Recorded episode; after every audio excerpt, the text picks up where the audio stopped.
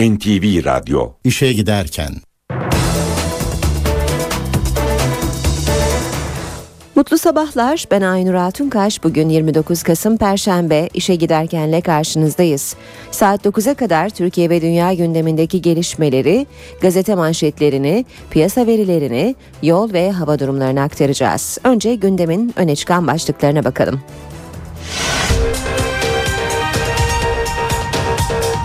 NATO heyeti Patriot füze konumlandırması için 4 alanda inceleme yaptı.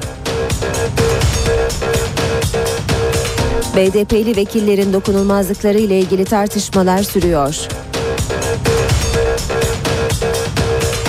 Ana dilde savunma hakkı Meclis Adalet Komisyonu'nda kabul edildi.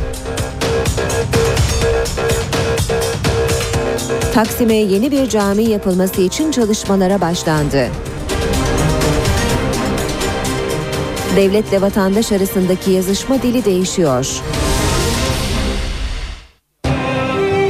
İşe giderken gazetelerin gündemi.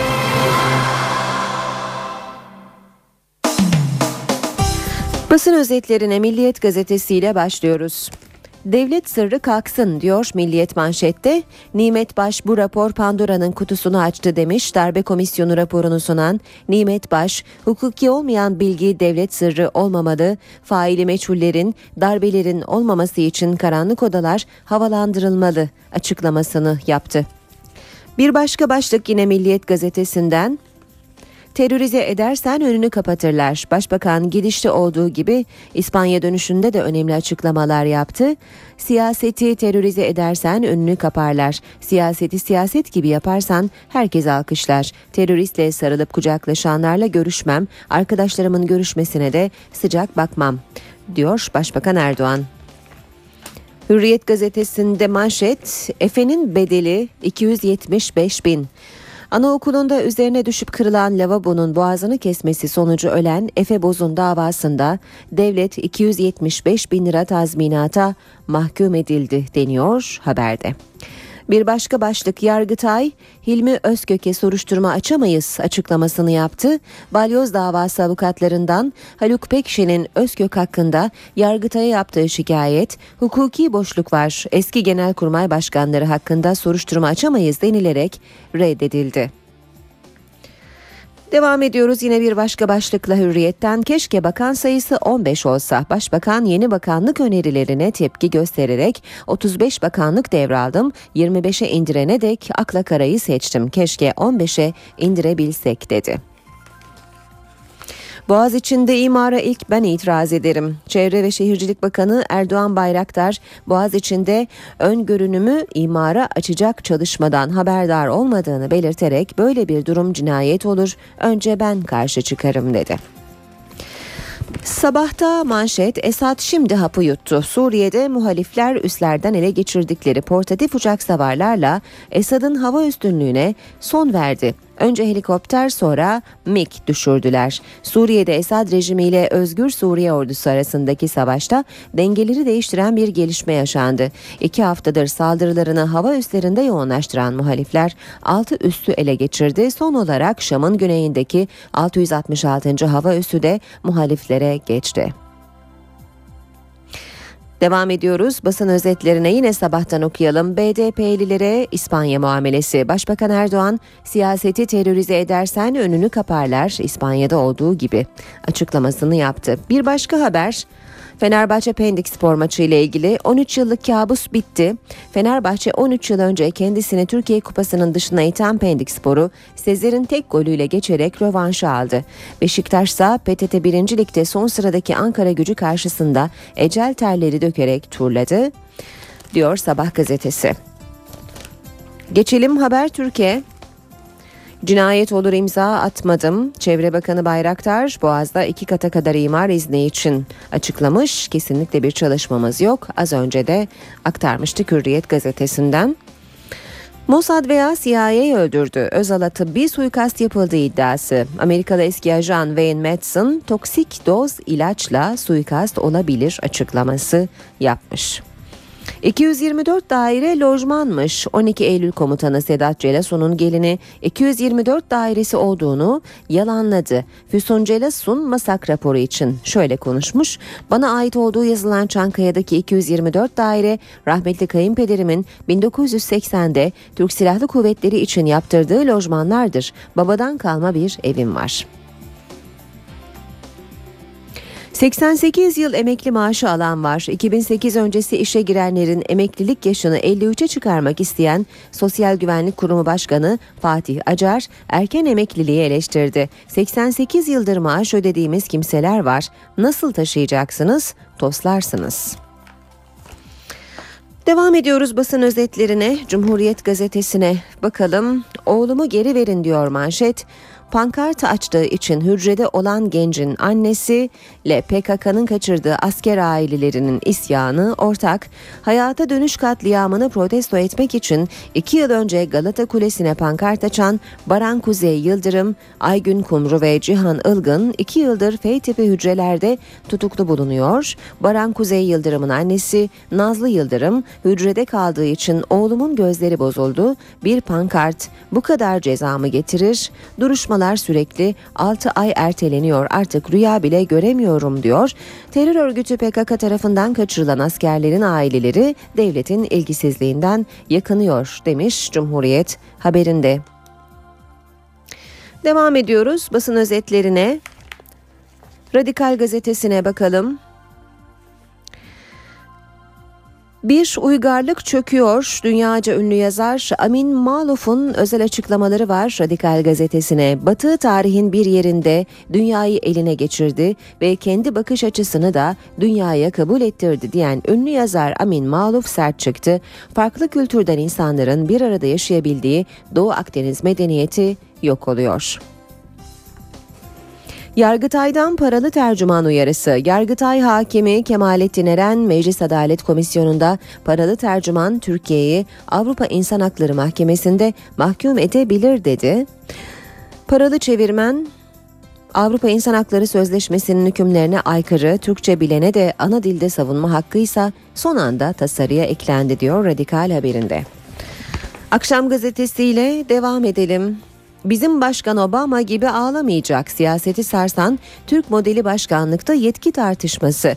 Hukukçular ve muhalefet bu kadar yetki Amerika başkanında yok diyor. AK Parti'nin cevabı evet Obama'nın bu kadar yetkisi yok. Olsa gece gündüz ağlayıp parlamentoya yakarmazdı şeklinde olmuş. Devam ediyoruz. Yargısız insaf başlığıyla haber manşette. Mahkemelerde sıkı pazarlık dönemi hakimlerin ve savcıların iş yükünü azaltmak için bulunan uzlaştırma formülü tuttu. Suçluyla pazarlık yapan birçok mağdur dava açmaktan vazgeçti. Kimi dershane parasını kopardı, kimi pide ayran ısmarlattı demiş. Akşam gazetesi haberinde bir başka başlık öyle altından geçmek yok. Altın gaz takasına Amerikan ayarı ayarı. Amerika Senatosu İran'la ticaret yasağını, yasağına altını da eklemek için harekete geçti. Tasarı kabul edilirse Türkiye'ye gelen gazın parası artık altınla ödenemeyecek. Ekonomi Bakanı Zafer Çağlayan sağ tasarıya burun kıvırdı. Bu Amerika'nın kararı bizi bağlamaz. NATO çamura saplandı. Patriot keşfi için Türkiye'ye gelen NATO heyeti Malatya'da yolda kaldı. Altay kışlasının ardından boş bir araziyi incelemek isteyen heyeti taşıyan otobüs toprak yolda çamura saplandı. Servisten inen grup 500 metre yürüyüp araziye ulaştı. Vatan gazetesine bakalım. Kahreden hesap diyor. Vatan manşette İstanbul Maltepe'de ana sınıfına gittiği okulun tuvaletinde lavabonun üzerine düşmesi sonucu ölen 6 yaşındaki Efe'nin hayatı için bilirkişi 27 bin lira değer biçti. Yanlışı mahkeme düzeltti ve 275 bin liraya yükseltti. Devam ediyoruz basın özetlerine. NTV Radyo'da sırada Yeni Şafak gazetesi var. Yeni Şafak Dehşete düştüm, isyan ettim manşetiyle çıkmış. Çalışmalarını tamamlayan Meclis Darbe Komisyonu'nun başkanı Nimet Baş yaşadıklarını ve çarpıcı tespitlerini anlatmış. Yaş belgelerinde Allah ismi irticai yayın kapsamında değerlendirilmiş. Kur'an'a el koyma belgesi bile var. Dehşete düştüm, gözlerim yaşardı, isyan ettim açıklamasını yapmış Nimet Baş. Ve son başlık Demiral mumcu cinayetini araştırmamızı engelledi. Zaman gazetesinden aktarıyoruz. Dönemin faili meçhul cinayetleri araştırma komisyonu başkanı Sadık Avundukluoğlu'nun açıklamaları var. Güldal Mumcu'nun kitabında yer verdiği devlet cinayetin gizli kalmasını istediği iddiasına dönemin Meclis Araştırma Komisyonu Başkanı Avundukluoğlu'dan destek geldi. Devlet içinden büyük engellemelerle karşılaştıklarını söyleyen eski vekil DGM Başsavcısı Nusret Demiral'ın emniyet birimlerine komisyona bilgi belge vermeyin diye yazı yazdığını belirtti deniyor haberde. NTV Radyo 7.15 saat NTV Radyo'da işe giderken gündemin ayrıntılarıyla devam ediyor. Türkiye'ye konuşlandırılacak Patriot hava ve füze savunma sistemleri için inceleme yapmak üzere Türkiye'ye gelen NATO heyeti Malatya'da çalışmalarına başladı. Uzman heyet Malatya'da 4 ayrı askeri alanda inceleme yaptı. Heyet ziyareti sırasında küçük bir de aksilikle karşılaştı. Heyetin bugün Malatya'dan ayrılması bekleniyor. Türkiye'ye konuşlandırılacak Patriot hava ve füze savunma sistemleri için mevzi keşifleri sürüyor. Keşif için Türkiye'ye gelen NATO heyeti Malatya'daki askeri alanları inceledi. 30 kişilik heyet kente ilk olarak Kara Havacılık Alay Komutanlığı'nın bulunduğu Tulga bir kışlasına gitti. Heyet daha sonra hava savunma taburunun bulunduğu Altay kışlasıyla 7. Ana Jet Üst Komutanlığı'nda inceleme yaptı. Battal Gazi ilçesindeki atış sahasının yan tarafında bulunan boş arazide de incelemelerde bulunan heyete Genelkurmay Başkanlığında görevli uzmanlarla görevli subaylar eşlik etti. Heyet uzmanları ziyaret sırasında ellerindeki haritaları inceleyerek bilgi aldı. NATO heyetinin ziyareti sırasında küçük bir de aksilik yaşandı. Heyeti taşıyan otobüs Battal Gazi ilçesi yakınlarında çamura saplandı. Uzun süre yardım bekleyen otobüsü bir köylü traktörüyle çekerek kurtardı. Amerika Birleşik Devletleri, Hollanda ve Almanya askerlerinden oluşan uzman ekibin Malatya'dan sonra Türk askeri yetkililerle birlikte Adana, Hatay, Gaziantep ve Şanlıurfa'da da inceleme yapması bekleniyor. İncelemelerde patriotların konuşlandırılacağı bölgeler, sistem sayısı, Türkiye'ye gelecek yabancı personel sayısı ve konuşlanma süresi belirlenecek. Ankara'da ise Patriot tartışması sürüyor. Patriotların İsrail'i koruma amaçlı kurulduğunu öne süren muhalefet partileri İsrail ve İran arasındaki olası bir savaşta Türkiye'nin Patriotlar yüzünden müdahil olabileceğini savundu. Başbakan Tayyip Erdoğan ise füze savunma sistemiyle ilgili İran'dan gelen eleştirilere yanıt verdi. NATO 43 kişilik bir heyeti ülkemize göndermiştir. Şu anda bölgedeki yerleri geziyorlar, inceliyorlar. Başbakan Recep Tayyip Erdoğan, Patriot hava savunma sistemleriyle ilgili hem içeriden hem de dışarıdan gelen eleştirilere yanıt verdi. Hedefinde Patriotlarla ilgili Türkiye'ye sert suçlamaların geldiği İran vardı. Buna benzer açıklamaları bundan önce de yine İran'dan bazı kişiler zaman zaman yaptılar, yapıyorlar. Artık buna çok alıştık. Bu resmi görüş değildir. O kişinin kendi görüşüdür. Bunu bir kez değil, iki kez değil, üç kez değil hep yaptılar. Başbakan alınacak kararla ilgili kamuoyuna güvence verdi. Hükümetinize, devletinize inanın. Hükümetiniz, devletiniz eğer bir konuda bir karar verecekse bu kararı verirken nereye danışarak, kimlerle danışarak, kimlerle bunun istişaresini yaparak vereceğini çok iyi bilir. Bizim başka yerden vekalet alma gibi bir derdimiz yoktur. Muhalefet ise Patriotları nasıl amacının İsrail'i İran'a karşı korumak olduğuna ilişkin iddiasını sürdürdü. Suriye karşı alındığı söyleniyor bu Patriotların. Bunun temel amacı önümüzdeki günlerde, önümüzdeki aylarda olası bir İran-İsrail savaşında İsrail'i korumaya yönelik olarak kurulmuştur. Patriotların oraya gelmesi bu kadar kolay NATO tarafından kabul edilmesinin asıl amacı İran'a karşı bir konuşlanma, e, İran'ın İsrail'e göndereceği füzelere yönelik aynı zamanda bir sistem olduğunu da unutmamak gerekiyor. BDP ve BDP destekli bağımsız milletvekillerinin dokunulmazlık dosyaları mecliste görüşülmeyi bekliyor. Fezlekeler henüz Anayasa Adalet Karma Komisyonu'na ulaşmasa da dokunulmazlık tartışması başladı. Cumhurbaşkanı Abdullah Gül bu konuda bir yorum yapmadı ancak dokunulmazlıkların kaldırılmasına karşı çıktığı meclis konuşmasını hatırlattı. Başbakan Erdoğan atılması gereken adımları atarız sözleriyle kararlılık mesajını tekrarladı. CHP ise dokunulmazlıkların kürsü dokunulmazlığıyla sınırlandırılması görüşünde. Meclis kompozisyonunda meydana gelebilecek her türlü noksanlık geçmişte yapılanları tekrar etmekten ve çok ihtiyacımız olan çözümleri daha da ötelemekten başka bir işe yaramayacaktır. Cumhurbaşkanı Abdullah Gül bu kez meclisin açılışında olduğu gibi net konuşmadı ama mesajı benzer yöndeydi. Cumhurbaşkanı BDP ve BDP destekli bağımsız milletvekillerinin dokunulmazlık dosyaları ile ilgili soruları yanıtlarken mecliste yaptığı konuşmayı hatırlattı. Aslında bu konuyla ilgili benim Türkiye Büyük Millet Meclisi açılışında yaptığım konuşma e, biliyorsunuz fikirlerimi de orada paylaşmıştım. Cumhurbaşkanının bu açıklamaları üzerine Başbakan Recep Tayyip Erdoğan'a aranızda görüş ayrılığı var mı diye soruldu. Konuları saptırmayalım. E, Sayın Cumhurbaşkanımızın açıklamasının neyi hedeflediği bellidir. Benim yaptığım açıklamanın da neyi hedeflediği bellidir. Başbakan konuyla ilgili kararlılığını da vurguladı. Dokunulmazlık zırhına bürünmek suretiyle adeta teröre teşvik edenleri, silahlanın çağrısında bulunanlara karşı da herhalde milletin vekilleri olarak bizim de yapmamız gerekenler vardır. AK Parti grubu olarak bu fezlekeler üzerinde çalışmalarımızı yapmak suretiyle kararımızı verir, atmamız gereken adımı atarız. Başbakan yardımcısı Beşir Atalay da dokunulmazlıkların kaldırılması konusunu değerlendirdi. Artık söz mecliste dedi. Yani şu anda Adalet Bakanlığı'nın, Başbakanlığı'nın yaptığı savcıların başlattığı süreci meclise intikal ettirmektir.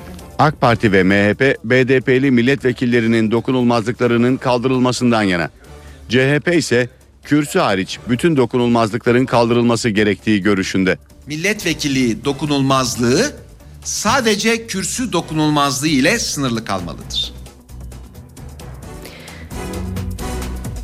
Mahkemeye çıkarılan bir kişi artık savunmasını kendini daha iyi ifade edebildiği dilde yapabilecek. Düzenleme Meclis Adalet Komisyonu'nda tartışmalı geçen bir oturumun ardından kabul edildi. Muhalefet düzenlemeye Türkçe dışında ikinci bir resmi dil yaratıldığı gerekçesiyle tepkili. Muhalefet partileri ayrıca anayasanın değiştirilmesi teklif dahi edilemeyecek resmi dil Türkçedir maddesinin ihlal edildiği görüşünde. Özellikle KCK duruşmalarında krize neden olan ve cezaevlerindeki açlık grevlerinin de nedenlerinden biri haline gelen ana dilde savunma hakkı için Meclis Adalet Komisyonu'nun mesaisi sona erdi. Tasarıya göre mahkemeye çıkartılan kişilere kendilerini daha iyi ifade ettiklerini düşündükleri dille tercüman aracılığıyla savunma yapma imkanı tanınıyor. Böylece özellikle KCK davalarında Kürtçe savunmanın önü açılmış olacak. Ancak iddianamelerin Türkçe yazılması zorunlu olacak. Adalet Komisyonu görüşmelerinde AK Partili vekillerin verdiği önergeyle tasarıdan meramını anlatabilecek kadar Türkçe bilen sanıklar ifadesi çıkarıldı. Yani mahkeme artık kişilere Türkçe bilip bilmemelerine bakmaksızın ana dilde savunma hakkı tanıyacak. Muhalefetin itirazı ise tasarıyla ikinci bir resmi dil yaratıldığına ilişkindi. Komisyon görüşmelerinde gerek CHP gerekse de MHP tasarının bundan sonra gelebilecek ana dilde eğitim, ana dilde hakim ve savcı talebi gibi isteklerin önünü açtığını savundu. Muhalefetin bir diğer itiraz noktası ise tasarının anayasanın değiştirilmesi teklif dahi edilemeyecek, devletin resmi dili Türkçedir maddesini ihlal ettiğiydi. Yapılan oylamanın ardından tasarı Meclis Adalet Komisyonu'nda AK Partili milletvekillerinin oylarıyla kabul edildi. Tasarı ana dilde savunmanın yanı sıra pek çok yeniliği de hukuk sistemine dahil edecek. Düzenlemeyle mahkumlara eşleriyle görüşme hakkı da tanınacak ancak bunun için cezaevinde iyi hal şartı aranacak.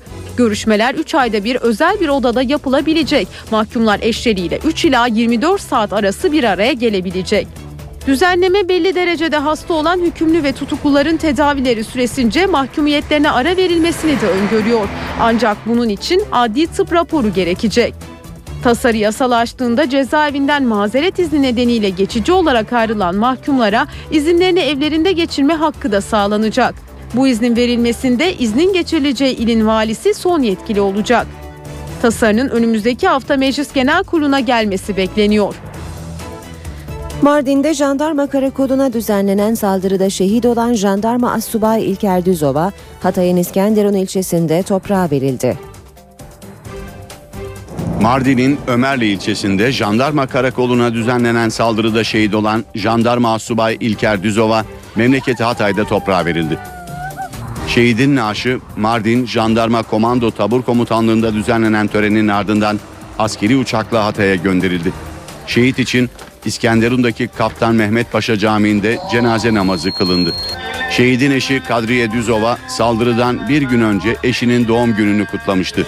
İki yıllık evli olan şehidin bir kardeşi de polisti. Jandarma Assubay'ın cenazesi kılınan öğle namazının ardından Karaağaç Asri Mezarlık'taki şehitlikte toprağa verildi. Assubay İlker Düzova, Mardin'in Ömerli ilçesinde jandarma karakoluna düzenlenen silahlı saldırıda şehit oldu. Aynı saldırıda Üsteğmen Alper Ferdi Tanrı da yaralandı. Tunceli'nin Ovacık ilçesinde bir mağarada sıkıştırılan yasa dışı sol örgütün 23 üyesi ikna edildi ve teslim oldu. Teslim olun. Yaşamak sizin elinizde şu an. Güvenlik güçlerinin teslim ol çağrısı mağara içine gizlenmiş bir grup örgüt üyesine. Etkin pişmanlık yasasından yararlanmak da sizin elinizde. Teslim olun. Operasyon Tunceli Ovacı kırsalında kış yapılanmasına geçen yasa dışı sol örgütün üyelerine yönelik düzenlendi. 16 Kasım'da Karagöl kırsalındaki çatışma sonrası kaçan grubun izini süren güvenlik güçleri örgüt üyelerini Muzur Dağı'ndaki bir mağarada kıstırdı. Ardından 23 kişinin dışarı çıkması için ikna çalışmasına başlandı. Mağaradakilerin ateşle karşılık vermesine rağmen silah kullanmayan güvenlik güçleri 24 saat süre verdi. Sol örgüt üyeleri bir süre sonra birer birer dışarı çıkmaya başladı. Devam et. Yavaş yavaş. Korkma. Güvenlik güçleri teslim olanlara mağarada kimse olup olmadığını sordu. Buraya mı? Gözler oradan bu tarafa gel. Korkuyorum şu an. Tamam korkma. Korkma. Sakin ol. Bir şey olmaz. Herhalde. Askerler daha sonra yaralılara müdahale etti. Yeteri kadar. Düşünsene. Yakalanan 23 kişi askeri helikopterle Ovacı'ya indirildi. Mağarada yapılan aramada 19 Kalaşnikov'da çok sayıda mühimmat bulundu. Meclis Darbe ve Muhtıraları Araştırma Komisyonu raporunu Meclis Başkanı Cemil Çiçek'e sundu. CHP ve MHP raporun sonuç ve öneriler bölümüne katıldı. Ancak içerik için ayrı rapor sundu. Komisyon Başkanı Nimet Baş'ın Pandora'nın kutusu olarak nitelendirdiği rapor Meclis Genel Kurulu'nda değerlendirilecek. Bu rapor darbelerle ilgili olarak Pandora'nın kutusunu açmıştır. Komisyon çalışmalarımız Türkiye'nin demokrasi yolunda açtığı eşiklerden birini göstermiştir. Demokrasi ve hukuk yolunda geri dönülmez bir noktadayız. 8 aylık mesai sona erdi. Meclis Darbe ve Muhtıralar Araştırma Komisyonu'nun başkanı Nimet Baş'ın deyimiyle Pandora'nın kutusu açıldı. Komisyon 156 ismi dinledi. Başbakan Recep Tayyip Erdoğan'dan yazılı yanıtları aldı. Tamamlanan raporu Meclis Başkanı Cemil Çiçek'e sundu. Komisyon Başkanı Nimet Baş, darbelerin yaşattığı acının ortaklığına işaret etti. Yaşatılan bütün acılar bizim ortak acılarımızdır. Darbecilerin insanımıza yaşattığı bütün acıları kalpten sahipleniyoruz. Meclis Başkanı Cemil Çiçek, komisyonun çalışmalarından memnundu. Raporu geleceğe referans olacak bir çalışma olarak değerlendirdi. e, sis perdesinin önemli bir kısmı aralanmıştır. Bu rapor bir manada onlara yol gösterecektir. Darbeler hiçbir şeyin çaresi değil. Bunu bu vesileyle bir defa daha ifade ediyorum. Çare bana göre, bize göre, vardığınız, vardığımız mutabakata göre demokrasidir. Raporun sonuç ve öneriler bölümünde iktidar ve muhalefet mutabık kaldı. Ancak içerikte partiler anlaşamadı. Diğer bütün girişim ve süreçler... CHP ve MHP meclis başkanına farklı içerikte raporlar sundu. Rapor Meclis Genel Kurulu'nda değerlendirilecek. NTV Radyo'da birlikteyiz. Birazdan spor haberlerine bakacağız ama şimdi kısa bir aramız var. Ara vermeden önce gündemin başlıklarını hatırlatalım. NATO heyeti Patriot füze konumlandırması için dört alanda inceleme yaptı. BDP'li vekillerin dokunulmazlıkları ile ilgili tartışmalar sürüyor. Ana dilde savunma hakkı Meclis Adalet Komisyonu'nda kabul edildi. Taksim'e yeni bir cami yapılması için çalışmalara başlandı. Devletle vatandaş arasındaki yazışma dili değişiyor.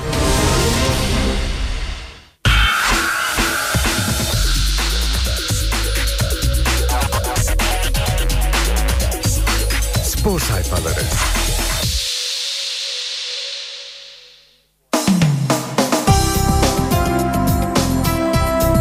Saat 7.36 NTV Radyo'da işe giderken spor haberleriyle devam ediyor. Habertürk Spor'la başlayalım bu bölüme. Sezer'in hakkı Sezer'e demiş Habertürk tam 13 yıl sonraydı. Fenerbahçe 1999'da kupayı kendisine kabus haline getiren Pendik'i konuk etti. Tur biletini son haftaların formda ismiyle aldı. Kadıköy'de ilk 15 dakikada konuk ekibin üstünlüğü vardı. Pendik Spor'un önce bir topu direkten döndü. Ardından kaleci Serkan Kırıntılı %100 bir fırsata gol izin ver, izni vermedi. Ardından maçın direksiyonunu ele alan Sarı Lacivertler Selçuk ve Semih'in hazırladığı pozisyonda Sezer Öztürk'le öne geçti. İkinci yarıda aynı Sezer'in iki füzesi direği dövse de Kanarya Türkiye Kupası'nda 5. kademeye adını yazdırdı ancak Aykut Kocaman'ın yaptığı rotasyon sonucu şans bulan yedeklerden Salih ve Sezer dışındaki hiçbir oyuncu hazırım diyemedi. İnönü'de korku filmi PTT 1. Lig'in dibinde yer alan Ankara gücü karşısında çok zorlandı Beşiktaş. 1-0 öne geçtiği maçta ilk yarıyı 2-1 geride kapattı. Ancak ikinci yarıda Hilbert'in penaltısıyla önce skoru dengeledi. Bitme bitime 4 dakika kala Batuhan Karadeniz'in kafasıyla güldü. Zira Türkiye Kupası'nda 4. turu kazasız geçti. Zira Türkiye Kupası'nda bugün saat 20.30'da Trabzonspor Şanlıurfa'yı konuk ediyor. Diğer maçlardan saat 13'te başlayacak. Polatlı Bugzaş Eskişehir dışında 15.30'da Gençler Birliği Bandırma ve 18'de de Sivas Manisa karşılaşmaları oynanacak. Milliyet'in spor haber e, spor sayfalarına bakalım. Kısa film diyor. Milliyet Fenerbahçe Pendik'ten 13 yıllık rövanşı tek golle aldı kupada yoluna devam etti. İngilizler Sow için geliyor. Fenerbahçe'deki performansıyla yıldızı yeniden parlayan Sow yine İngiliz takımlarının gündemine geldi. Senegalli futbolcunun Galatasaray derbisinde izleneceği takibi alınan ekiplerinde takibi alan ekiplerinde Liverpool'la Tottenham olduğu belirtildi. Almeida ile devam. Beşiktaş Fernandez'den sonra diğer Portekizli oyuncusunun sözleşmesini de uzatma kararı aldı. Ligin devre arasında iki futbolcuyu masaya çağıracak olan siyah beyazlar Hilbert konusunda da tercihi teknik direktör Aybaba'ya bırakacak. Kara mizah, Beşiktaş ağır kriz yaşayan Ankara gücü önünde turu soğuk terler dökerek geçti diyor Milliyet gazetesi. Devam ediyoruz. Şener Kepenk kapadı. Trabzonspor Başkanı Eskişehir maçındaki tepkiler üzerine bu sezon Avni Aker stadında maç seyretmeyi düşünmüyor. 8 Aralık'ta olağan genel kurula gelecek olan Başkan Sadri Şener'in burada çok sert bir konuşma yapacağı belirtildi. Bir diğer başlık kendi statları gibi gelsinler. Galatasaray Başkanı Ünal Aysal Fenerbahçe'ye dostluk elini uzattı. Aziz Yıldırım'ın stadımıza gelip maç izlemesi en doğal iştir. Onları layık oldukları gibi en iyi şekilde ağırlayacağız dedi. Yetmez ama evet. Kuban deplasmanına büyük güçlüklerle giden ve hiç dinlenmeden çıktığı maçta rakibine 25 farkla kaybeden Galatasaray hesabı kapadı. Temsilcimiz 24 farkta kalıp ikili averajda rakibine yetişemese de şampiyonluk hedeflediği Euro Cup'ta gövde gösterisi yaptığı skor 76-52. Uzatmalı zafer Eurocup'taki temsilcimiz Bandırma'da farklı yendiği Azomaş'a rövanşı da vermedi. 8 sayı geride girdiği son çeyrekte skoru eşitledi. Uzatmalarda kazanmayı bildi. Skor 95-88 ve filenin kralı Aslan Galatasaray Daikin Tele Dünya Türkiye Kupası ikinci etabında karşılaştığı ezeli rakibi Fenerbahçe'ye şans tanımadı. Çeyrek finale adını yazdırdı. Skor 3-1. Spor haberleri aktarmaya Hürriyet gazetesiyle devam edeceğiz. Hürriyet'ten ilk başlık. Pendik'le hesabı Sezer kapattı. Fenerbahçe 13 yıl önce kupadan elendiği ikincilik ekibi önünde bu kez işi sıkı tuttu ve turladı. Bana Aykut diyene bakılsın. Fatih Terim'in Aykut hitabına yanıtı sorulan kocaman taraftarımız üzülmesin bir bakarlar kişiye söyleyene karar verirler dedi. Kabustan Batuhan çıkardı. Nide ve Of karşısında zorlanan Kartal taraftarına yine korku yaşattı. Holosko ile öne geçti ama devreyi 2-1 yenik kapadı. Beraberliği Hilde, Hilbert'in penaltısı Turuysa Batuhan'ın 85 86'daki golüyle kurtardı. Devam ediyoruz. Hürriyet'in spor sayfalarından aktarmaya. Aslanlar gibi Sıradaki başlık Galatasaray ilk maçta 25 sayı fark yediği Kuban'ı rövanşta yendi ama liderlik için yetmedi diyor. Hürriyetten bir diğer başlık şike teklifi aldım. Sakaryaspor'da oynarken bir maç öncesi bana o zamanın parasıyla 6 milyon lira önerildi. Engin İpekoğlu açıklamış Hürriyet gazetesinde eski milli kaleci Engin'in açıklamaları var. 26 sene önce Sakarya spor forması giyerken o teklif yapıldı. Allah'tan hatalı bir gol yemedim ihale üzerime kalmadı demiş.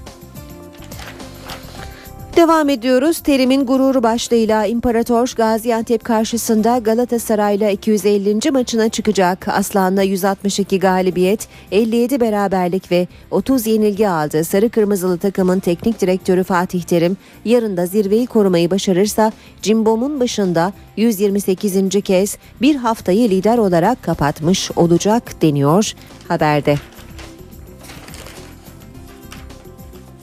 Bir diğer başlıkla devam edelim. Yemekteki itiraf Emre Belezoğlu Fenerbahçe ve milli takımla ilgili iki çarpıcı olayı anlatmış. Türk futbolunun İspanya'daki iki gururuyla yapılan sohbete yer veriyor Hürriyet gazetesi. Aragones ilk başlarda o hafta oynayacağımız takımları analiz edip geniş çaplı taktikler hazırlıyordu. Sonra Türkiye'yi çözdü ve anlaşılan burada sistem sistemsizlik siz de kafanıza göre oynayın dedi. Milli maçta gol attığımda kulübeye koşarak Hamit'e kalk sevin dedim ama onu kim öyle doldurdu bilmiyorum. Bazen milli takımda endişeyle izlediğim gruplaşmalar ve yönlendirmeler oluyor. Son başlıkla bitiriyoruz bu bölümü de transferde karavana Trabzonspor'un bu sezon kadrosuna kattığı yıldızlar takıma katkı yapmaktan çok uzak. 6 yeni isim 13 maçta sadece 3 gol ve 6 asistle oynadı. Yanko, Emerson, Bamba, Soner, Yasin ve Emre 7 milyon 450 bin euroya mal oldu deniyor haberde. Spor haberlerini böylece bitiriyoruz. NTV Radyo'da işe giderken devam ediyor. İstanbul trafiğine bakacağız şimdi.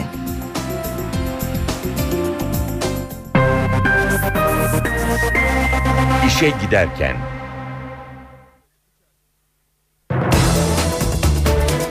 O3'te Bayrampaşa Vatan Caddesi yönünde yaralanmalı bir trafik kazası var ve bu kaza nedeniyle iki şerit trafiğe kapalı. Önce bu bilgiyi aktaralım.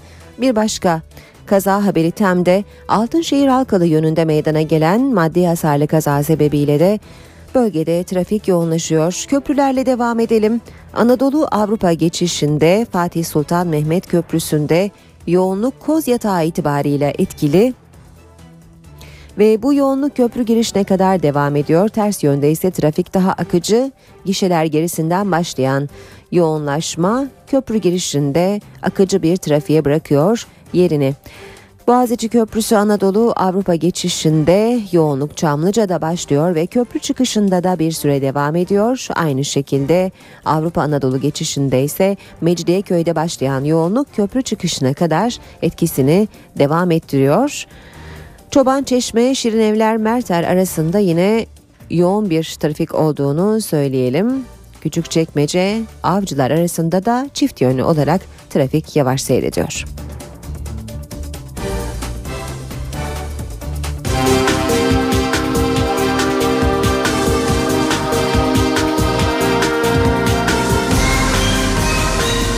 İşe giderken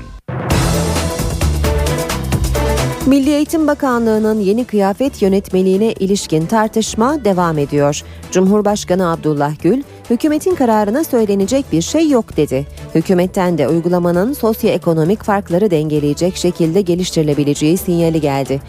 Muhalefetin tepkisi ise sürüyor. Serbest kıyafet uygulaması eğitimcileri de ikiye bölmüş durumda. Lehinde aleyhinde konuşanlar da muhakkak ki olacaktır ama herhalde esas sorumluluğu taşıyan bakanlık ve hükümet böyle bir karar verdiğine göre söylenecek bir şey yok. İlk ve orta öğretimde kılık kıyafeti belirli şartlarda serbest bırakan yeni yönetmelikle ilgili tepkiler sürüyor. Cumhurbaşkanı Abdullah Gül, hükümetin kararına saygı duyulması gerektiğini söyledi.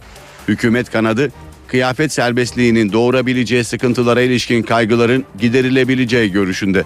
Hem ilk öğretimde hem ortaokulda hem liselerde özellikle öğrencilerimizin imkanı olmayanların yani senede birkaç defa e, kıyafet alabilecekleri imkanlar onlara sunulabilir.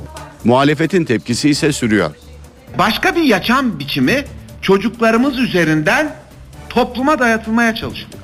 Bunun altını çizmek zorundayız. Burada kıyafet serbestlisi getiriliyor ama dolaylı olarak bir başka tek tip kıyafet zorunlu hale zaman içinde getirilmeye çalışılıyor. Eğitimciler başörtüsü boyutundan çok kıyafet serbestliğinin ortaya çıkaracağı sosyal statü farkının yaratacağı etkiyi tartışıyor. Biz tek tip kıyafeti niye getirmiştik? Sosyoekonomik farklılıklardan dolayı getirmiştik. Tamamen ortadan kaldıramadan gelir farklılıklarını bunu yaptığımız zaman yeni bir sıkıntıyla karşı karşıya kalabiliriz. Ergen bugün ne giymeliyim, arkadaşlarım karşı cins beni beğenmeyecek mi, e, giydiğimden dolayı eleştirilecek miyim kaygısı yaşayacak. Bu kaygıyı da ben doğal nitelendiriyorum. Hayatta olması gereken bir kaygı. Zaten okulda yaşamasa sokakta yaşayacak, AVM'ye gittiğinde yaşayacak, çarşıya gittiğinde yaşayacak. E bir şekilde yaşaması ve baş etmesi gereken bir şey. Okullarda serbest kıyafet yönetmeliğinin önümüzdeki yıl başlayacağından habersiz binlerce öğrenci daha ilk günden kendi kıyafetleriyle okula koştu. Muğla'nın Fethiye ilçesinde 4 ilköğretim okulunun öğrencileri elbise, tişört ve eşofmanla derse girdi. Muğla'da kılık kıyafet serbestliği yönetmeliğini duyan binlerce öğrenci okullara serbest kıyafetle koştu. Uygulamanın önümüzdeki yıl başlayacağından habersizlerdi. Muğla'nın Fethiye ilçesindeki 4 ilköğretim okulunun öğrencileri eşofman, tişört ve elbise gibi rengarenk kıyafetlerle derse girdi. Ben kıyafet şeyini beğendim çünkü çok iyi. Derslerde daha iyi oluyoruz, daha rahatız. Dersimiz daha iyi dinleniliyor. İlk başta duyduğumuzda çok sevinmiştik ama daha sonra e, bir tereddüt içine girdik her gün ne giyeceğiz falan diye. Okul yönetimi şaşkın. İdare yapılan uyarılara rağmen öğrencilerin serbest kıyafet yönetmeliğini yanlış anladığını söyledi. Taksim'e cami projesi yıllardır tartışılıyor. Başbakan Tayyip Erdoğan projeye ilişkin ayrıntıları açıkladı. Caminin meydandaki tarihi su şebekesinin bulunduğu bölgeye inşası gündemde. Projeye sıcak bakan da var, Taksim'e cami yapılmasın diyen de. Başbakan Recep Tayyip Erdoğan Taksim'e cami dedi, projenin ayrıntılarını verdi. Başbakan Erdoğan'ın bahsettiği yer tarihi su dağıtım şebekesinin hemen arkası. Büyük bir otopark var. Hemen onun yanında da küçük bir mescit var. Caminin yapılmasıyla birlikte otopark da dahil edilecek ve 1600 metrekarelik bir alana inşa edilecek. Kilise var burada cami yok. Olsa daha iyi olur. Daha ne kadar camiye ihtiyacımız var ve onları ne yapacağız bilemiyoruz gerçekten. Bence hiç gereği yok. Bilhassa cuma günleri buraya gelseniz yani dolu burası yetmiyor. Taksim'e yapılması planlanan cami Çamlıca Tepesi'ne yapılacak cami kadar büyük ve ihtişamlı olmayacak. Caminin yaklaşık 1500 kişilik olması tahmin ediliyor. Taksim'e caminin ne zaman yapılacağına ilişkin ayrıntılar daha sonra netlik kazanacak. 19 Aralık 2000'de Bayrampaşa Cezaevi ve Ümraniye cezaevlerinde 12 kişinin ölümüyle sonuçlanan ve hayata dönüş adı konulan operasyonla ilgili davaya devam edildi. Mahkeme 39 kişinin yargılandığı davada dönemin jandarma genel komutanı emekli orgeneral Aytaç Yalman'ın tanık olarak dinlenmesine karar verdi. Tanık olarak çağrılan isimlerden biri de dönemin İstanbul Jandarma Bölge Komutanı Tuğgeneral Engin Hoş. Ancak Engin Hoş 14 Kasım'da hayatını kaybetti kaybetti. Katillerden hesap! 35 er 39 askerin yargılandığı hayata dönüş operasyonu davasına Bakırköy'deki 13. Ağır Ceza Mahkemesi'nde devam edildi. Mahkeme dönemi Jandarma Genel Komutanı Emekli Orgeneral Aytaç Yalman'ın da aralarında olduğu 10 kişinin tanık olarak dinlenilmesine karar verdi. Hayata dönüş davasında 16 tutuksuz sanık hakim karşısına çıktı. Duruşmada dönemin Bayrampaşa Cezaevi Savcısı Fikret Ünalan'ın tanık sıfatıyla verdiği ifade okundu. Ünalan müdahaleden iki gün sonra cezaevine gittiğini ileri sürdü. Dönemin jandarma yüzbaşısı Zeki Bingöl'ün imzalatmak istediği ifade tutanağını imzalamadığını söyledi. Fikret Ünalan, Zeki Bingöl imzalamam için ifade tutanağını bana getirdi. Tutanağı okuduğumda müdahaleye bizzat katılmışım gibi yazıldığından imzalamadım. Yaşamadığımız bir olayı imzalamayacağımı söyledim. Başsavcı Ferzan Çitici de imzalamadı. Bu nedenle gazetelere manşet olduk dedi. Emekli binbaşı Zeki Bingöl'ün bir sonraki duruşmaya çağrılmasına karar verildi. Aytaç Yalman'ın yanı sıra tanık olarak çağrılan isimler arasında dönemin İstanbul Jandarma Bölge Komutanı Tuğgeneral Engin Hoş da var. Ancak Hoş 14 Kasım'da hayatını kaybetti. Türkiye tarihindeki ilk ombudsmanı yani kamu baş denetçisini belirledi. Meclis Genel Kurulu'nda yapılan seçimle Mehmet Nihat Ömeroğlu Türkiye'nin ilk ombudsmanı oldu. Ömeroğlu daha göreve başlamadan tartışmalar başladı.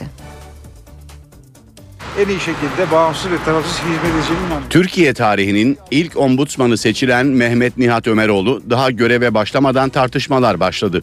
Muhalefet partileri meclisteki oylamaya katılmadı. Ama seçim sonrası eleştiriler peş peşe geldi. Ombudsmana ümidi bağlamak, ombudsmanın vereceği kararlar sonucunda e, işte Türkiye'nin rahatlayabileceğini düşünmek de doğru değildir. O hesabı rahat sorabilmesi için herhangi bir ilişkisinin olmaması lazım. Özetle bu kişinin bu e, mevkinin bağımsız ve tarafsız olması gerekiyor. Muhalefetin özellikle de CHP'nin eleştirileri Ömeroğlu'nun tarafsız olmadığı yönünde. Siyaset kurumunun da bir ombuds- ombudsmana ihtiyacı var. Hükümetten, bakanlıklardan, hükümetin başı olan başbakandan hesap sorabilmeli. Vatandaşın bir sürü şikayeti var. E şimdi bakıyoruz yine hükümetin başındaki kişi kim? Sayın Başbakan. E Sayın Başbakan 2010 yılında bu ombudsman olarak atanan kişinin ni- oğlunun nikah şahidi. Haydi bakalım nasıl olacak bu iş? Hükümeti nasıl denetleyecek? CHP'li Umut Oran bir adım daha ileri gitti. Mehmet Nihat Ömeroğlu'nu istifaya çağırdı. Bu e, ombudsman kişinin oğlu Türk Hava Yolları'nda çalışıyor. Çalışabilir yani ama yargıç ve ombudsman yani o zaman nasıl taraf olmayacak? Türk Hava Yolları dosyası önüne gelirse nasıl hareket edecek? Kendisini gereğini yapmaya davet ediyorum. Daha yemin etmeden ölü doğmuş olan bu çocuğu bitirmelidir. Bu çocuk ölü doğmuştur. Sayın Ömeroğlu istifa etmelidir. AK Parti ise tartışmalardan rahatsız. Diyarbakır Milletvekili Cuma İç'ten muhalefetin eleştirilerini yanlış bulduğunu söyledi. Elbette ki her iktidar partisinin gönlünde bazı isimler yatabilir. Bu konu hakkında farklı söylemde bulunmak muhalefetin şey olabilir, muhalefeti olabilir. Meclis kendisi seçilmiş milletvekiliyle bir irade koymuştur. Muhalefetin yapması da gereken buna sahip çıkmasıdır. NTV Radyo NTV Meteoroloji Biriminden merhaba. Lodos batıda sıcaklıkları yükseltiyor ama önümüzdeki hafta kuvvetli karayelli sıcaklıkların Trakya'dan başlayarak hızla azalmasını bekliyoruz. Bu güneşin batı kesimlerde kuvvetli fırtınayla yağış giderek kuvvetlenirken Lodos'ta Marmara'da kuvvetlenecek. Güneyde özellikle bulutlanmanın artmasını bekliyoruz ama iç kesimlerde sabah ve gece saatlerinde yer yer yine sis ve pus var. Doğu Karadeniz bölgesinde ılık bahar havası yaşanırken sıcaklıklar 20 ile 22 derece arasında olacak. Doğuda ise hava genellikle açık. Bugün Lodos'un kuvvetlenmesi sıcaklıklar daha da artarken kıyı Ege ve Trakya yağışlı havanın etkisine girecek. Yarın Ege ve Marmara'da daha kuvvetli olmak üzere Batı Akdeniz, Batı Karadeniz ve İç Anadolu'nun batı kesimlerinde yağışlar görülecek. Cumartesi günü Kuzey Ege ve Marmara'da sağanaklar daha da kuvvetlenecek. Batıdaki kuvvetli sağanakların pazar gününe devam etmesini bekliyoruz. Bölgelerin bugünkü durumuna baktığımız zaman Trakya'da başlayan yağış giderek etkisini artıracak. Edirne ve civarında sıcaklıklar yükseldi ama yağış var. Çanakkale'de aralıklarla yağış görülürken rüzgarına giderek kuvvetlenmesini bekliyoruz. Balıkesir, Bursa, Sakarya arasında ise hava parçalı bulutlu olacak. Kıyı Ege'de başlayan yağış iç kesimlere doğru ilerleyecek. İzmir, Muğla yağmuru, Denizli çok bulutlu. Sabah ve gece saatlerinde Kütahya, Afyonkarahisar'da yine sis var. Isparta Antalya arasında ilerleyen saatlerde yağış başlayacak. Mersin çok bulutlu. Adana'da ise havanın parçalı bulutlu olmasını bekliyoruz. Ankara açık az bulutlu, Eskişehir sisli, Konya, Niğde, Kayseri boyunca açık az bulutlu bir hava görülürken Sivas'ta yine sabah ve gece saatlerinde sis olacak. Burada yine sis var. Zonguldak, Samsun, Trabzon, Artvin boyunca hava açık olacak. Doğu bölgelerimizde ise Malatya'da açık bir hava bekliyor ve sıcaklık 13 derece. Erzurum, Kars, Hakkari boyunca da açık bir hava olacak.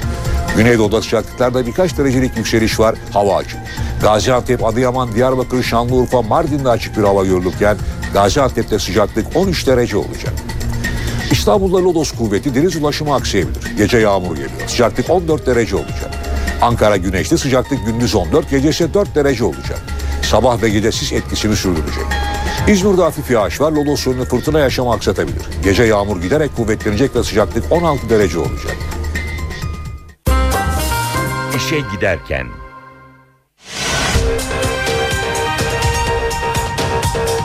NATO heyeti Patriot füze konumlandırması için dört alanda inceleme yaptı.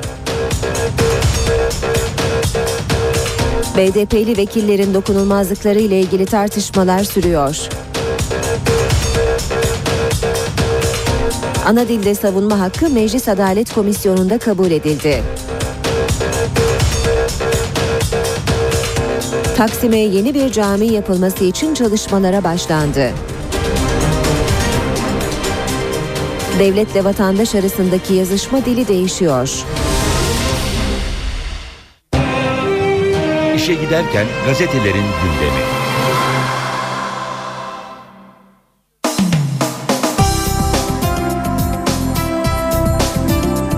Saat 8'i 4 geçiyor. NTV Radyo'da işe giderken de birlikteyiz. Basın özetleriyle devam ediyoruz. Milliyette devlet sırrı kalksın. Manşetini görüyoruz. Nimet Baş, bu rapor Pandora'nın kutusunu açtı dedi. Darbe komisyonu raporunu sunan Nimet Baş, hukuki olmayan bilgi devlet sırrı olmamalı, faili meçhullerin, darbelerin olmaması için karanlık odalar havalandırılmalı dedi. Devam ediyoruz yine milliyetten okumaya. Terörize edersen önünü kapatırlar. Başbakan gidişte olduğu gibi İspanya dönüşünde de önemli açıklamalar yaptı. Siyaseti terörize edersen önünü kaparlar. Siyaseti siyaset gibi yaparsan herkes alkışlar. Teröristle sarılıp kucaklaşanlarla görüşmem. Arkadaşlarımın görüşmesine de sıcak bakmam.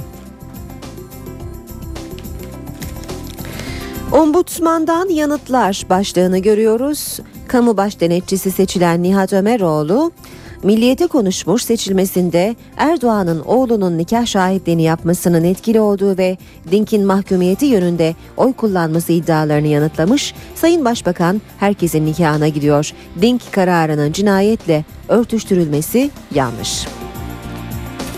Hürriyette devam edelim. Efe'nin bedeli 275 bin. Anaokulunda üzerine düşüp kırılan lavabonun boğazını kesmesi sonucu ölen Efe Boz'un davasında devlet 275 bin lira tazminata mahkum edildi. Bir başka haber Hilmi Özkök'e soruşturma açamayız Yargıtay görüşü.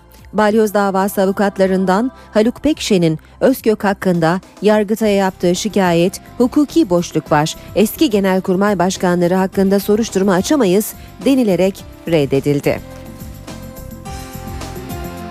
Devam ediyoruz basın özetlerine.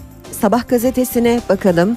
Sabahta Esad şimdi hapı yuttu manşetini görüyoruz. Suriye'de muhalifler üslerden ele geçirdikleri portatif uçak savarlarla Esad'ın hava üstünlüğüne son verdi. Suriye'de Esad rejimiyle Özgür Suriye ordusu arasındaki savaşta dengeleri değiştiren bir gelişme yaşandı. İki haftadır saldırılarını hava üslerinde yoğunlaştıran muhalifler 6 üssü ele geçirdi. Son olarak Şam'ın güneyindeki 666. hava üssü de muhaliflere geçti.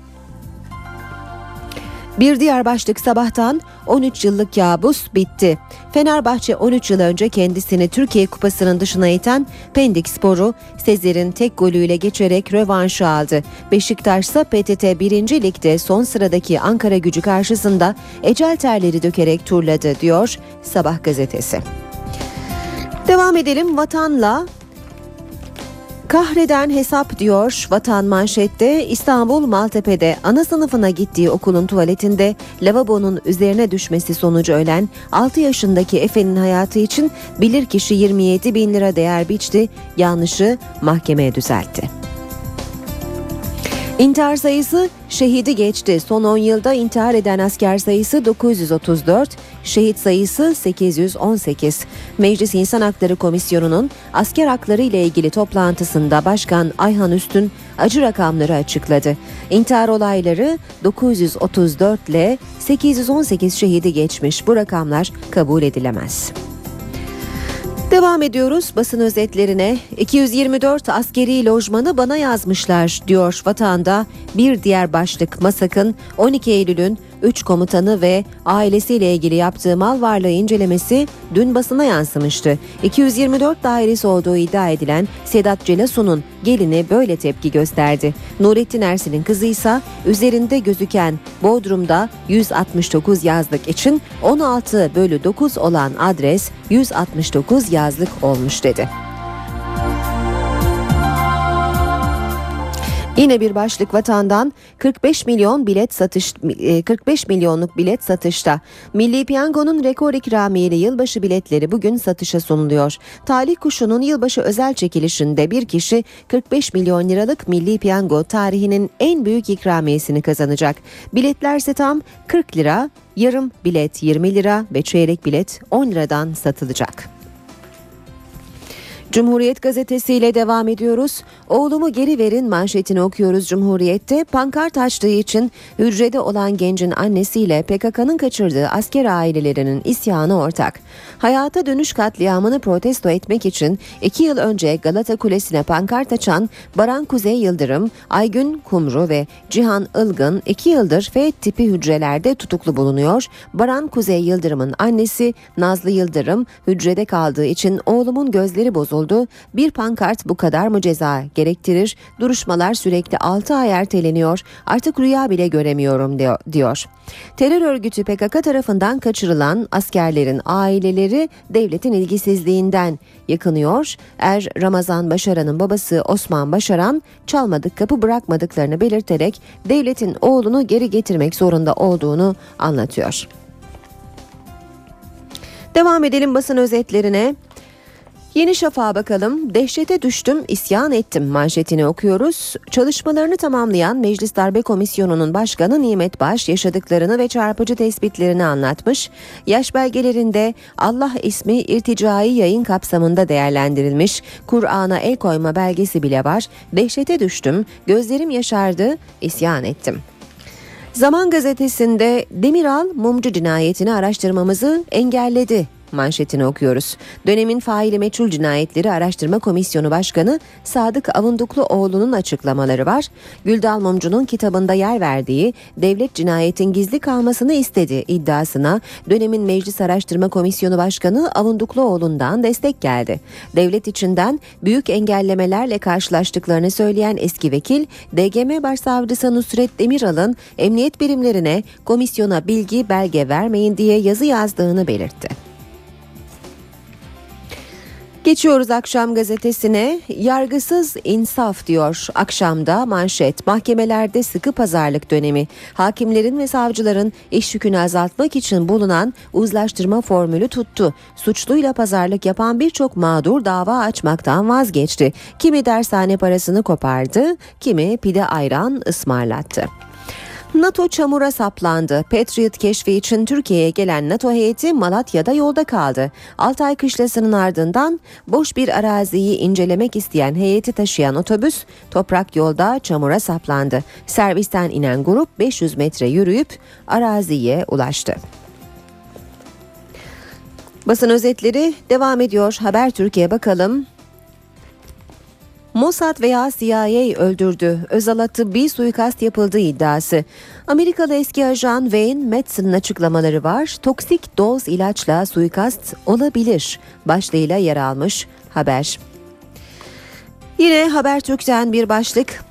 Cinayet olur, imza atmadım. Çevre Bakanı Bayraktar Boğaz'da iki kata kadar imar izni için konuşmuş. Kesinlikle bir çalışmamız yok. Kesinlikle şu anda bakanlık ve hükümet olarak veya büyük şehrin bir çalışması olduğunu bilmiyorum. Tasarı denilen o yazı bizim değil.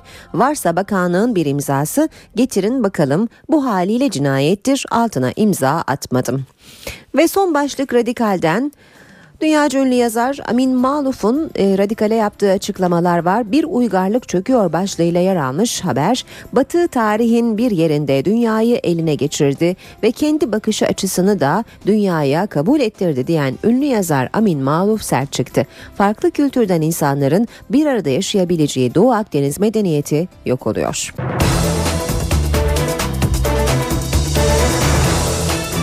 Saat 8.18 NTV Radyo'da işe giderken gündemin ayrıntılarıyla devam ediyor. Yeni anayasa mesaisi sürüyor. Partiler yeni anayasanın yürütme başlığı altındaki önerilerini meclis başkanlığına sundu. Öneriler dikkat çekici. AK Parti başkanlık sistemi istiyor. CHP ve MHP ise parlamenter sistemin devamından yana. AK Parti, CHP, MHP ve BDP yeni anayasanın yürütme bölümüne ilişkin önerilerini meclis başkanlığına sundu. Yürütme başlığı altındaki önerilerden en dikkat çekici olanı iktidar partisine ait. AK Parti'nin yürütme önerisi başkanlık sistemine dayanıyor. Önerilen sistemde başkan, devlet ve yürütmenin başı olacak. İç ve dış siyaseti yürütecek. Geniş yetkilerle donatılan başkan yasaları referanduma götürebilecek, yürürlükten kaldırılmasını isteyebilecek. İhtiyaç duyduğu konularda başkanlık kararnamesi çıkartabilmekte başkanın yetkileri arasında olacak. Başkan 40 yaşını doldurmuş, yüksek öğretim yapmış ve milletvekili seçilme yeterliliğine sahip vatandaşlar arasından halk tarafından seçilecek. Başkanın görev süresi 5 yıl olacak. Bir kimse en fazla iki defa başkan seçilebilecek. Başkanlığa son genel seçimlerde en az %5 oy almış olan siyasi partilerle en az 100 bin vatandaş aday gösterebilecek. İktidar Partisi'nin önerisinde başkan geniş yetkilerle donatılıyor. Milletvekili seçimlerinin yenilenmesinde karar başbakana ait olacak. Bakanlar, büyükelçiler ve kamu yöneticilerini başkan atayacak. Yüksek Öğretim Kurulu üyelerinin yarısını seçecek olan başkan Anayasa Mahkemesi, Danıştay ve YSK üyelerinin yarısını atama yetkisine sahip olacak. Türk Silahlı Kuvvetleri'nin başkomutanlığını yürütecek ve kullanılmasına karar verebilecek. CHP ve MHP ise parlamenter sistemin devamından yana, BDP ise AK Parti'nin başkanlık modeli sistemine destek veriyor. Türkiye'ye konuşlandırılacak Patriot hava ve füze savunma sistemleri için inceleme yapmak üzere Türkiye'ye gelen NATO heyeti Malatya'da çalışmalarına başladı. Uzman heyet Malatya'da 4 ayrı askeri alanda inceleme yaptı. Heyet ziyareti sırasında küçük bir de aksilikle karşılaştı. Heyetin bugün Malatya'dan ayrılması bekleniyor. Türkiye'ye konuşlandırılacak Patriot hava ve füze savunma sistemleri için mevzi keşifleri sürüyor. Keşif için Türkiye'ye gelen NATO heyeti Malatya'daki askeri alanları inceledi. 30 kişilik heyet kente ilk olarak Kara Havacılık Alay Komutanlığı'nın bulunduğu Tulga bir kışlasına gitti. Heyet daha sonra hava savunma taburunun bulunduğu Altay kışlasıyla 7. Ana Jet Üs Komutanlığı'nda inceleme yaptı. Battal Gazi ilçesindeki atış sahasının yan tarafında bulunan boş arazide de incelemelerde bulunan heyete Genelkurmay Başkanlığı'nda görevli uzmanlarla görevli subaylar eşlik etti.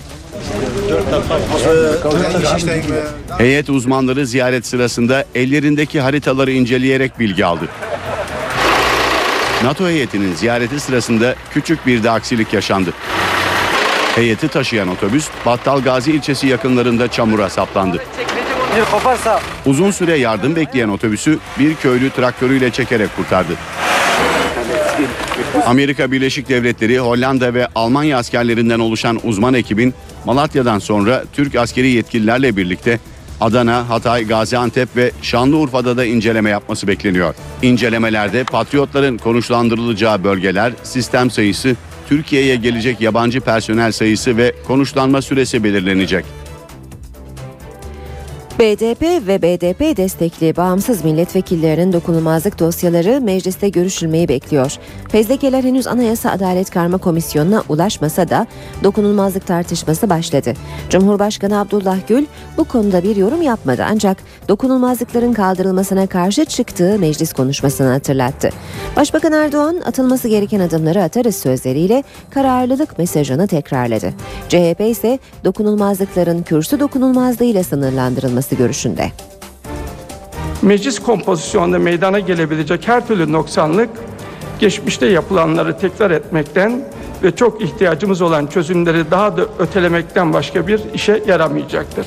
Cumhurbaşkanı Abdullah Gül bu kez meclisin açılışında olduğu gibi net konuşmadı ama mesajı benzer yöndeydi. Cumhurbaşkanı BDP ve BDP destekli bağımsız milletvekillerinin dokunulmazlık dosyaları ile ilgili soruları yanıtlarken mecliste yaptığı konuşmayı hatırlattı. Aslında bu konuyla ilgili benim Türkiye Büyük Millet Meclisi açılışında yaptığım konuşma e, biliyorsunuz fikirlerimi de orada paylaşmıştım.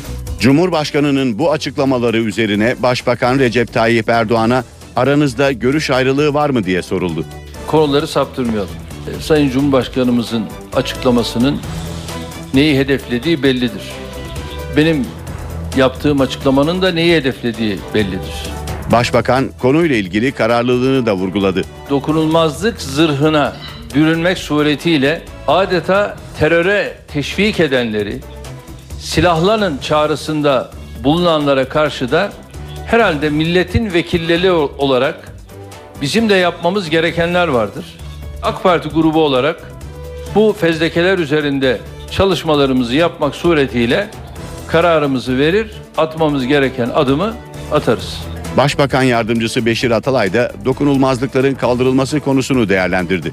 Artık söz mecliste dedi. Yani şu anda Adalet Bakanlığı'nın, Başbakanlığı'nın yaptığı savcıların başlattığı süreci meclise intikal ettirmektir. AK Parti ve MHP, BDP'li milletvekillerinin dokunulmazlıklarının kaldırılmasından yana. CHP ise kürsü hariç bütün dokunulmazlıkların kaldırılması gerektiği görüşünde. milletvekili dokunulmazlığı sadece kürsü dokunulmazlığı ile sınırlı kalmalıdır. Devletle vatandaş arasındaki yazışma dili değişiyor. Artık resmi yazışmalarda vatandaş arz ederim demeyecek. Devlet de vatandaşa gönderdiği resmi yazıları saygılarımla ve iyi dileklerimle ifadeleriyle bitirecek. Değişiklik devletle vatandaş arasında hitap diliyle yaratılan hiyerarşik konumlandırmayı bitirecek şeklinde yorumlanıyor. Arz ederim ve rica ederim ifadeleri resmi kurumların birbirleriyle yazışmalarında kullanılmaya devam edecek. Hiyerarşik yapılanmada kendisine denk veya kendisinden üst makama yazı yazan kurumlar arz ederim ifadesini kullanacak. Alt makama yazılan yazılarda ise rica ederim denilecek.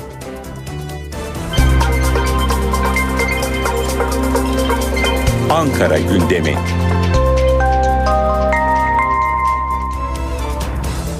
Başkent gündeminin ayrıntılarını NTV muhabiri Ercan Gürses aktarıyor. Ankara'da gündeme yön verecek belli başlı konular var. Bunların başında da fezleke tartışması var. 10 milletvekilinin fezlekesinin meclise gelmesi ve bundan sonra yaşanabilecek süreç. Aralarında BDP eş başkanı e, Gülten Kışanak da var.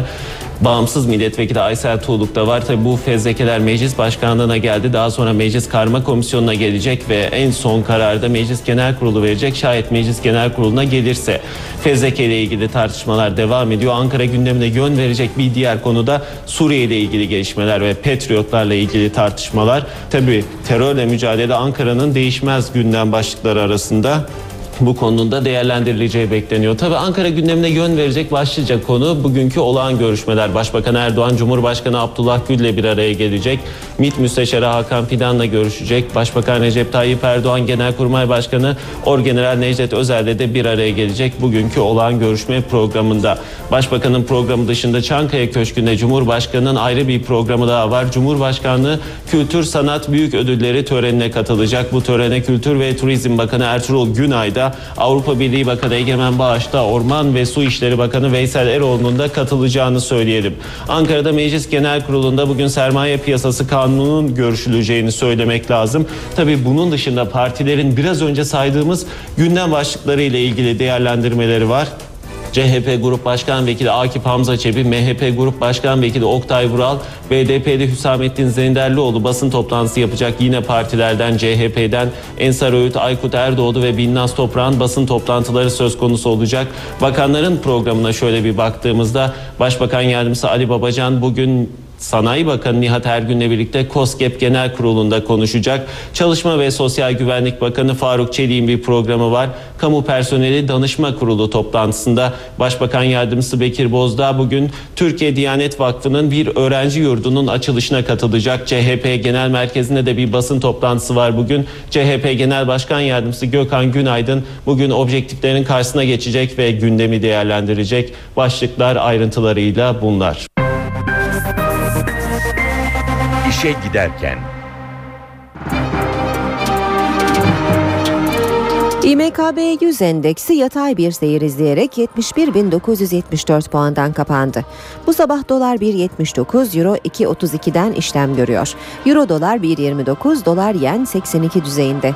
Altının onsu 1720 dolar, kapalı çarşıda külçe altının gramı 99 lira. Cumhuriyet altın 670, çeyrek altın 168 liradan işlem görüyor. Brent petrolün varil fiyatı 110 dolar.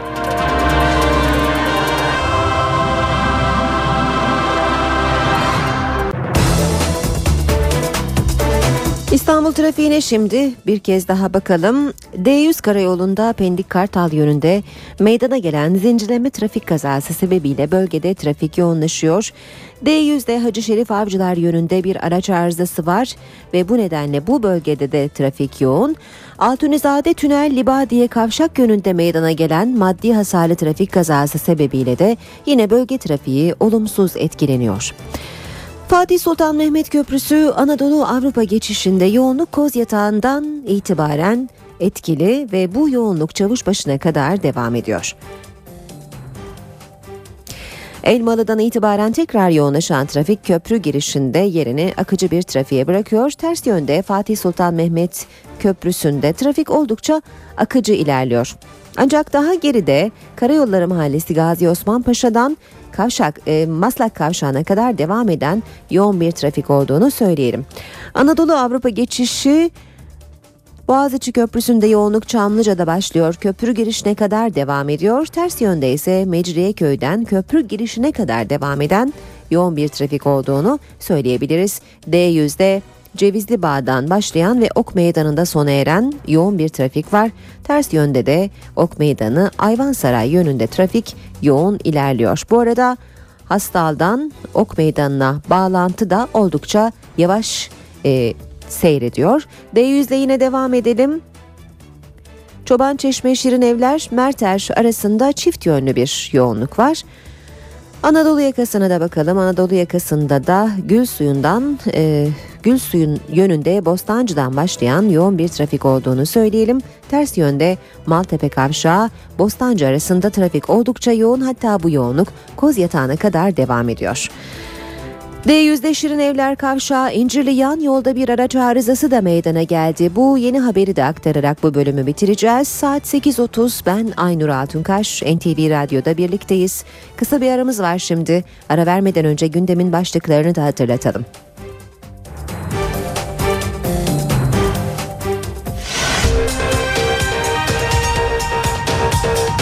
NATO heyeti Patriot füze konumlandırması için dört alanda inceleme yaptı. BDP'li vekillerin dokunulmazlıkları ile ilgili tartışmalar sürüyor. Ana dilde savunma hakkı Meclis Adalet Komisyonu'nda kabul edildi. Taksim'e yeni bir cami yapılması için çalışmalara başlandı. Devletle vatandaş arasındaki yazışma dili değişiyor.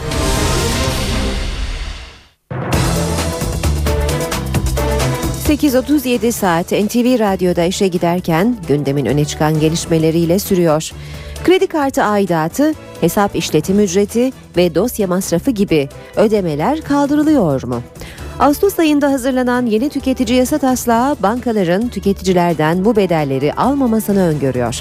Ancak kurumlardan görüş toplanmasının ardından ibre bankalar lehine döndü. Yeni taslağa göre bankalar bu ücretleri almaya devam edecek. Kredi kartı yıllık aidatı, hesap işletim ücreti, dosya masrafı, ATM nakit çekim masrafı, EFT havale ücreti. Bankaların vatandaşlardan 31 ayrı başlıkta aldığı ücretlerin bir kısmı bunlar. Gümrük ve Ticaret Bakanlığı'nın hazırladığı yeni tüketici yasa taslağında ilk görüş bu ücretlerin alınmaması yönündeydi. Ancak 96 kuruluştan görüş alındı, ibre bankalar lehine döndü.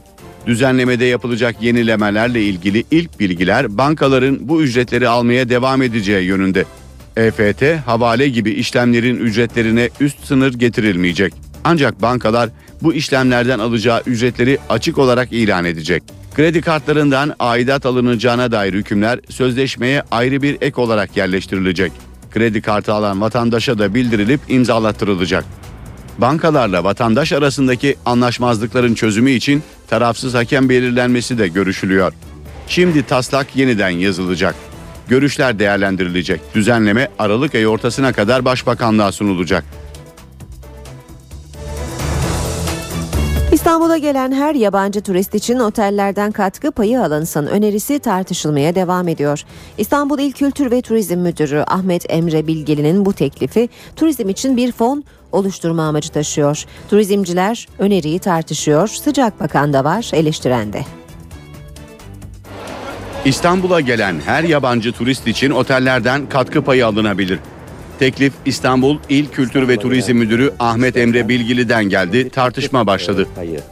Amaç elde edilen gelirle İstanbul'un tanıtımı ve turizmin gelişmesi için bir fon oluşturmak. Türkiye Seyahat Acentaları Birliği Başkanı Başaran Ulusoy katkı payı uygulamasına destek veriyor.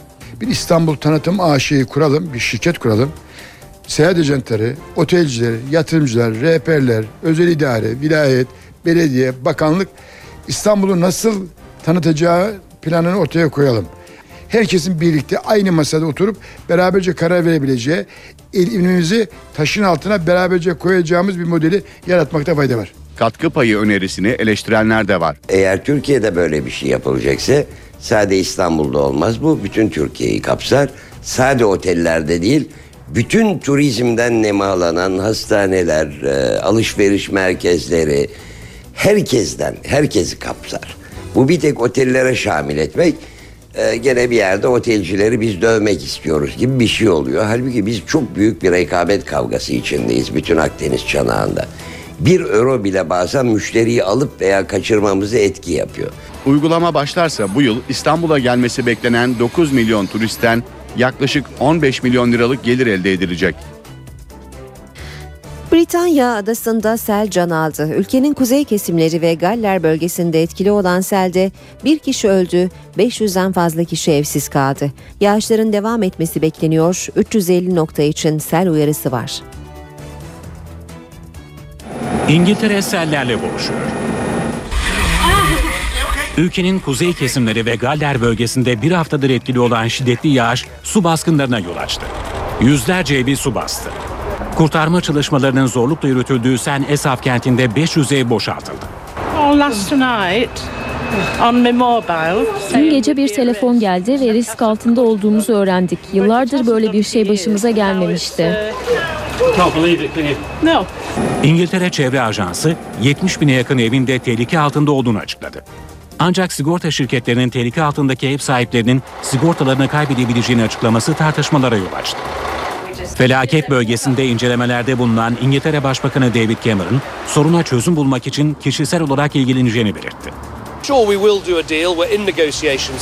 Eminim bir anlaşma sağlanacaktır. Halen görüşmeler devam ediyor. Sigorta şirketlerinin ailelere ek sigorta yardımı sağlamasını umuyoruz. Yağışlarıyla ünlü İngiltere'de sigorta şirketleri sadece 2007 yılında sel mağdurlarına 5 milyon euroya yakın ek sigorta bedeli ödemişti. Wikileaks'in kurucusu Julian Assange 5 aydır Ekvador'un Londra'daki Büyükelçilik binasında yaşıyor. Ekvador Büyükelçiliği endişeli. Zira bu durum Assange'ın sağlığı için tehdit diye düşünülüyor. Wikileaks'in kurucusu Julian Assange'ın sağlık durumu iyi değil. Açıklama Ekvador'un Londra Büyükelçisi Anna Albon'dan geldi.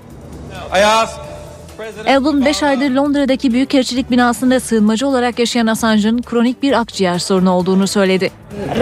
De eh, cómo está, eh, puedo decir- 50 metrekarelik bir alanda yaşayan, düzenli olarak gün ışığı ve temiz hava alamayan bir insan ne kadar iyi olabilir ki? Biz ona en iyi şekilde bakmaya çalışıyoruz. Şu an bir hastalığı yok ancak başka sorunları tetikleyebilecek kronik bir akciğer problemi var. Kış aylarında durumunun kötüleşmesinden endişe ediyoruz. Bu yüzden düzenli doktor kontrolünden geçiyor. Hakkındaki cinsel taciz suçlaması nedeniyle İngiltere'den İsveç'e iade edilmesine karar verilen 41 yaşındaki Assange, Haziran ayında Londra'daki Ekvador Büyükelçiliğine sığınmıştı. Ekvador Assange'a sığınma hakkı tanımış ancak İngiltere Büyükelçilik binasından çıkması durumunda İsveç'e iade yükümlülüğünü yerine getireceğini belirtmişti. Bu yüzden Assange 24 saat İngiliz polisi tarafından izlenen binadan dışarı adımını atamıyor.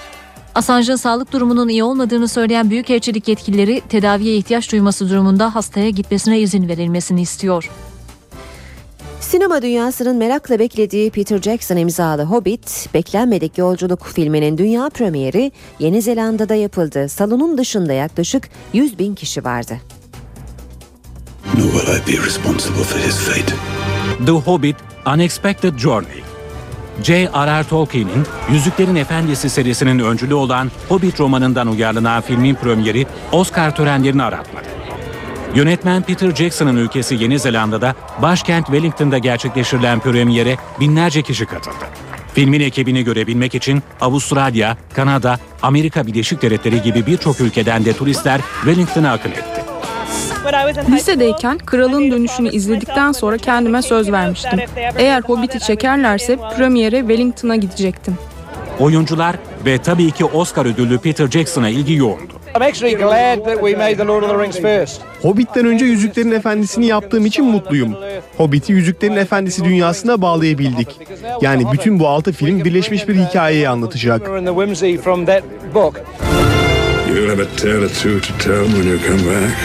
Filmde baş kahraman Bilbo Baggins'i Martin Freeman oynuyor. Ian McKellen, Kate Blanchett, Elijah Wood gibi Yüzüklerin Efendisi serisinden birçok isim de filmde rol into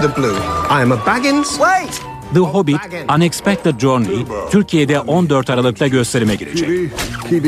Serinin diğer iki filmi 2013 ve 2014 tarihlerinde vizyonda olacak. Nori, Nori, Nori. Bugün de işe giderkenin sonuna geldik. Peki Türkiye'nin gündeminde bugün neler var? Kısaca hatırlayalım. Bugün Ankara'daki gelişmeler gündemin ağırlıklı noktası.